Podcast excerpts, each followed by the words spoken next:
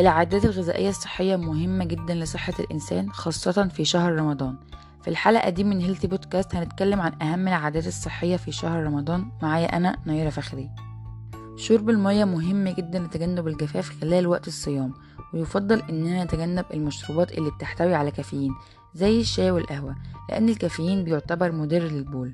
كمان الأطعمة اللي بتحتوي على كميات كبيرة من الملح لابد من تجنبها زي المايونيز والكاتشب والمخللات. ويفضل إننا نقلل تناول الحلويات ونتناول الفاكهة كبديل للحلويات.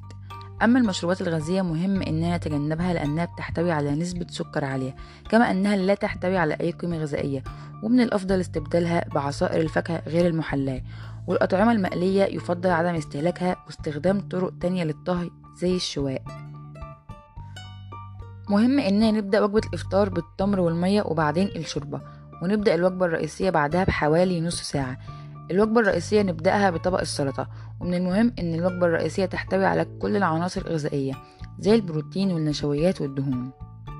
أما وجبة السحور فلا بد إنها تحتوي على الحبوب الكاملة زي الشوفان والقمح والشعير لأن الحبوب الكاملة بتحتوي على ألياف والألياف بتساعد على الشعور بالشبع. كمان وجود البروتينات مهم في وجبة السحور زي البيض والفول والحليب. أما الدهون الصحية زي زيت الزيتون والمكسرات مهمة جدا لوجبة السحور لأنها بتساعد على توازن مستوى السكر في الدم. كمان الفواكه والخضروات لابد إننا نتناولها في وجبة السحور.